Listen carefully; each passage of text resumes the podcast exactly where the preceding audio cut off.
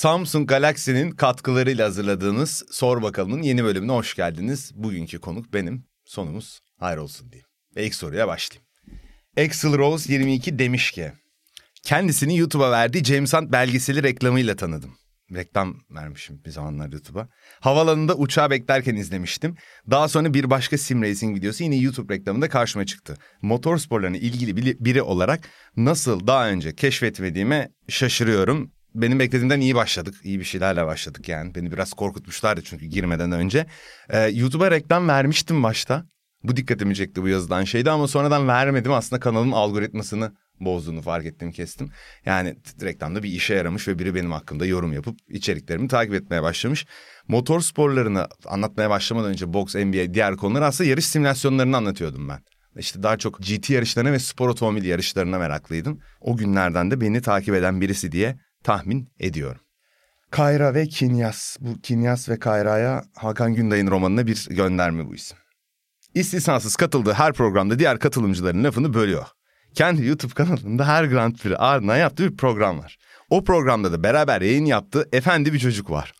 Elemana resmen üzülmeye başladım. Ya yayınları izleyenler bilirler gerçekten Tanyol çok efendi görünür. Ve e, Tanyol'un yanında onunla program yaparken çatışırken bir şey tartışırken iyi bir insan olma ihtimaliniz yok. Ya adamdan iyilik fışkırıyor bir kere. Yani kırmızı yanaklı muhteşem bir herif. Yumuşak tonla konuşan, kavgacı olmayan, arada bir bir yükseliyor. O da artık ekran önünde deneyim kazandı tabii. Laf bölme kısmına gelirse çok konuşurum ben. Gerçek hayatta da konuşurum. Kesin laf da bölüyorumdur. Ama tabii bu çok enteresan. Genelde insanların algısıyla oluşan bir şey diye düşünüyorum. Ben hatırlıyorum Serhan Acar'la ilk programları yapmaya başladığımızda işte hiç araya girmiyor. E, saygısından herhalde Serhan Acar'ı bölmek istemiyor. Ne saygılı çocuk demişlerdi. Şimdi çok söz kesiyor olduk. Kesiyor olabilirim. Bunu yapmamın da bir nedeni daha var. Genelde sohbetlerde ben ekranda bizim yıllardır gördüğümüz televizyonda bir format var. Biliyorsunuz işte biri konuşur, biri ona söz verir ve diğeri konuşur gibi. Ben biraz daha böyle bilinç akışıyla gitmeyi seviyorum. Yani aklıma bir fikir geliyor. O konuya bir şey katacağını düşünüyorum ve karşıdakini kesiyorum. Normalde dostlarımızla sohbet de böyle ilerliyor. Ben bu dijitalin getirdiği bir şey olduğunu düşünüyorum. Tabii ki yani karşımdakini konuşturmadığım anlar varsa benim adıma kötü ama o kadar da abartı olduğunu açıkçası düşünmüyorum durum. Bilinç akışı dedim. Kinyas ve Kayra'da baya bir e, bilinç akışı üzerinden yazılmış bir romandı. Umarım bu soruyu sorana mantığını olayın açıklamışımdır diye düşünüyorum. Brave Lizard. Yaptığı işe saygım var. Bilgi birikimine de öyle. Ancak bu arkadaşta sezdiğim bir Kimi Raikkonen hazımsızlığı ya da nasıl diyeyim antipatisi var gibi. Ya da ben çok fan boyum. Bu herhalde çok yanlış bir tespit olmuş ya. Nasıl böyle bir tespit yapılabilmiş ki bir soru işareti koymak istiyorum bunun yanına benim hakkımda. Yani ben James Hunt hayranıyım. Onun ekolü işte Akinen videosunda biraz anlattım. Kimi Hunt hayranı? Yani biraz daha Formula 1'de işin profesyonelliğine veya politik tarafına gömülmeden kendi özgür ruhunu sergileyen pilotları severim ben. Kimi gittiğinde de çok üzüldüm. Aslında kimi hani benim sevdiğim Formula 1'e ait son parçaydı. Yani aslında kimiyle duygularım tamamen zıt. Yani geldiği ilk yarışmaya başladı 2001'de Sauber'deki Avustralya Grand Prix'sinden beri çok severim kendisini. Formula 1 anlattığı hikayeleri yanlış ve taraflı bilgilere rastlamak fazlasıyla mümkün. Yani yanlış bilgi muhakkak ki oluyor. Bazen iki kaynak da çelişiyor. Bazen ben de hata yapıyorum. Bazen öyle bir şey oluyor ki her hafta o hikayeleri derlerken biz kağıda doğru yazdığım şeyi yanlış aktarıyorum. Dilim sürçüyor. Orada bütün konteks içinde koyuyor. Biraz yorucu bir iş yaptığımız. Taraflı kısmına katılamayacağım. Çünkü gerçekten herhalde hassasiyet gösterip taraflı olabildiğim tek adam Giancarlo Fiskelli yani zamanda Formula 1'de yarışmış dünya şampiyonu bile olmayan bir adam. Benim gençlik kahramanım. Onun da çok fazla hikayede gerginlik yaratan bir rolü yoktu Formula 1'de. Hani o yüzden onu tutarak da başkalarının hakkını yiyeceğimi de çok zannetmiyorum. Belki işte kiminin geçtiği yer işte kiminin biraz hakkını yemişimdir. Fisliği savunmak için ama taraflı değilim yani. Hani yarış izlerken artık öyle bir noktaya geldik ki yıllar içinde. E, yaptığımız işle de değil. Belki de bu işi yapmamızın sebebi tarafsız olmamız oldu. Yani taraftarlıktan kurtulup dışarıdan bir göz gibi bakıp anladığımız şeyleri anlatmaya çalışıyoruz. ZBCCX Türkçe kaynakları kısıtlı olan boks tarihi konusunda çok güzel içerikler çıkarıyor. Güncel maçları da yorumluyor ayrıca demiş. Çok teşekkür ederim. Evet boks konusunda Türkçe kaynak aşırı kısıtlı. Yabancı kaynak da kısıtlı. Aslında yabancı kaynak demişken şunu söyleyeyim. Yani Google'dan bir yere kadar gidebiliyorsunuz. Benim en çok ilerlediğim noktalardan biri de bu oldu videoları yaparken. Yabancı gazete arşivleri işte üyelikle girebiliyorsunuz ve atıyorum Amerika'daki gazeteler özelinde bulduğum bir yer. Ve atıyorum 60 yılında bir 70'te diyelim Muhammed Ali Joe Frazier arasında bir maç var. Bunu yazıyorsunuz ve gazete küpeleri çıkıyor. Oradan muhteşem şeyler çıkartıyorsunuz. Küçük anekdotlar. Kaynaklar konusunda aslında zengin bir dönemdeyiz. Çünkü eskiden yabancı bir kitabı sipariş ettiğimizde bir ayda elimize geliyordu belki. Şimdi e, tabii elde tutmak kitabı ayrı bir duygu ama ben hani hızlı çalışabilmek adına herhalde her hafta bir tane kitap alıp okuyorumdur. İncelediğim konuyla ilgili. Bazen iki haftada bir oluyordur. İşte Kindle uygulaması, Google Playbooks uygulaması. Tablette okunabiliyor. Ve e, oradan inanılmaz fazla bilgiye erişiyorsunuz. Tabii teşekkür ederim güzel yorum için. Sabaha kadar Muhammed Ali konuşsa dinlerim dediğim insan demiş. Ya deminki soruya bağlanıyor bu aslında. Ali zaten en çok anlattığım belki benim insandı ve hala hakkında anlatamadığım bir sürü şey var. Kariyeri parça parça böldük, böyle defalarca anlattık ve sürekli hala yeni bilgi çıkıyor. Hala Ali ile ilgili bilmediğim şeyler çıkıyor. Yani bir Ali hayranıyla ben de sabaha kadar konuşmak isterim açıkçası. Çünkü kesin bilmediğim bir anısını bir olaya anlatacaktır. Hadi oradan demiş ve ismine çok uygun bir yorumla gelmiş. Yani bir hayata bakış açısıysa hadi oradan bu yorum olmalı yani. Gerçekten acayip itici bir tip. Buna ek olarak yorumları ve katkıları gerçekten çok boş. Özellikle Esport'taki yorumları konuya olan sıfır katkısı, alakasız yorumları cümle kalitesi olmuş biraz. E ne dedi şimdi oluyor. Zaten serada bir 404 veriyor gibi. Ya evet bazen gerçekten çok konuşuyorum. Ve bazen e, öz eleştiri olarak söyleyebileceğim bir şey anlattığım bir şeyde bütün o konteksten yaptığımız içerikten çıkıp bir serbest düşüş yaşıyorum ve izleyicinin takip etmesi zor oluyor. Sera'nın da zor oluyor ve bazen anlaşılmaz bir mak çıkıyor. Hatta yanındayken bazen düşünüyorum kendime. Ne dedim ben az önce diye ya. Yani gerçekten bunu düşünüyorum.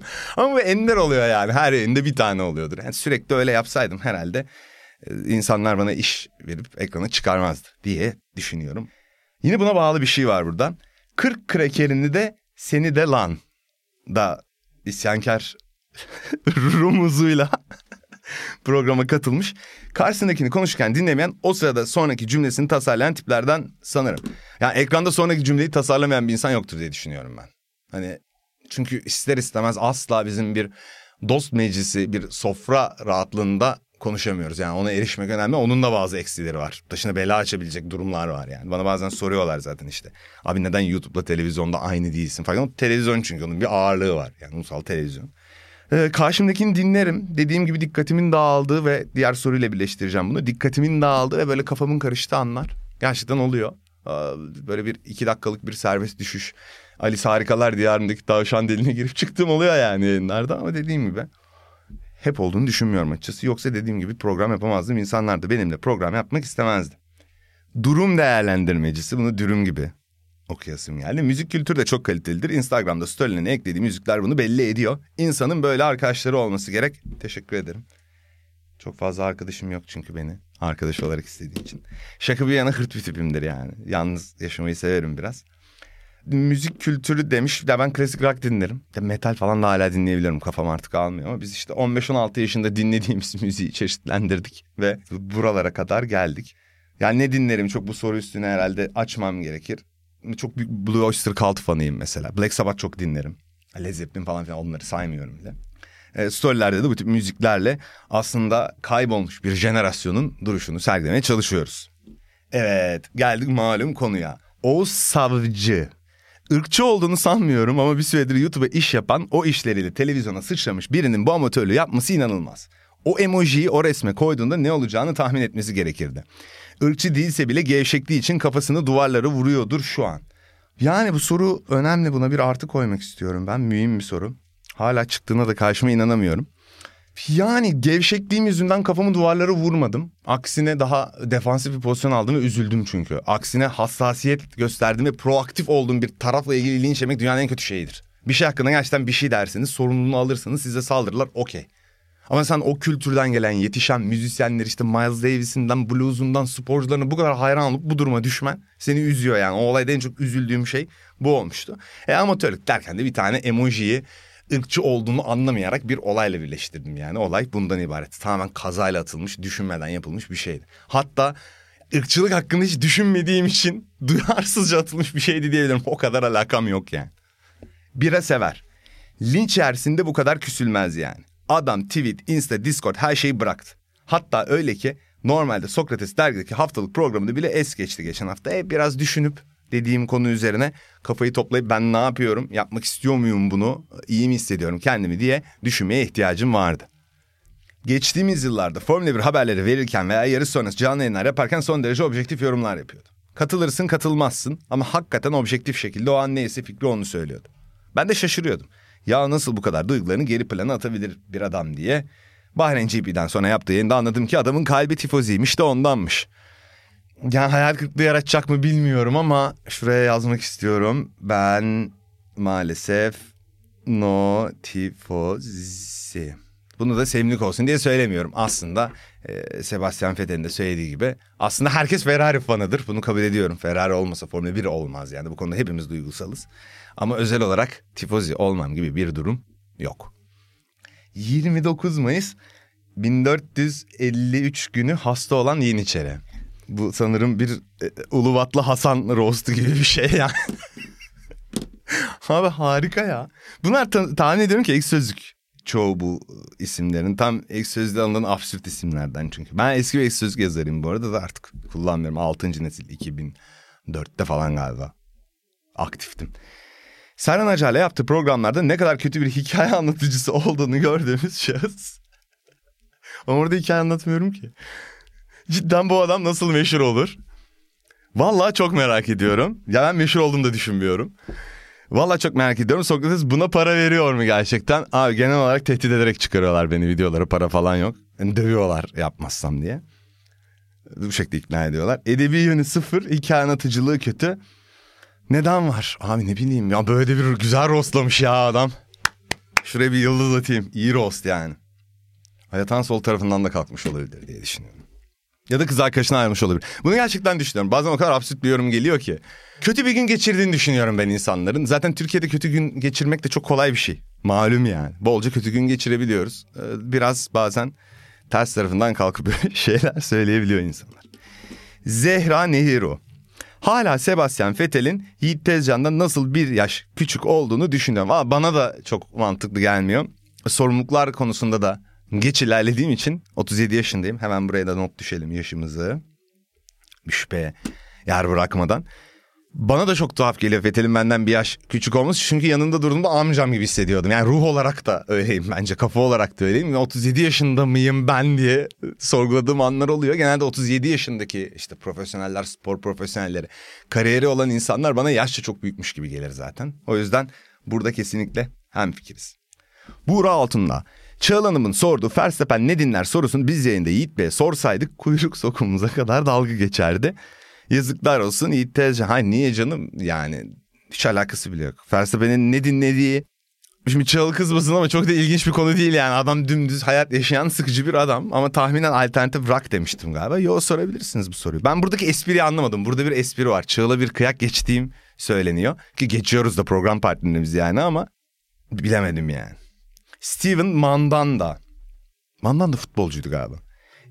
Kaleci miydi? Güney Afrikalı mı? Ha doğru. Fransızdı. Ben futbol bende son 10 yılı yok çünkü. Yiğit Bey yayınlarda gergin olduğundan mı? Ça Çağla Hanım'ı... Abi Çağıl'ın e, laneti üzerinde olacak sevgili Mandanda. Partnerimizi de şeyde bırakmayalım. Yiğit Bey yayınlarda gergin olduğundan mı Çağıl Hanım'ı dinleyemiyor veya anlayamıyor bazen. Gerizekalıdır belki adam yani o kar üstüne gitmeyin.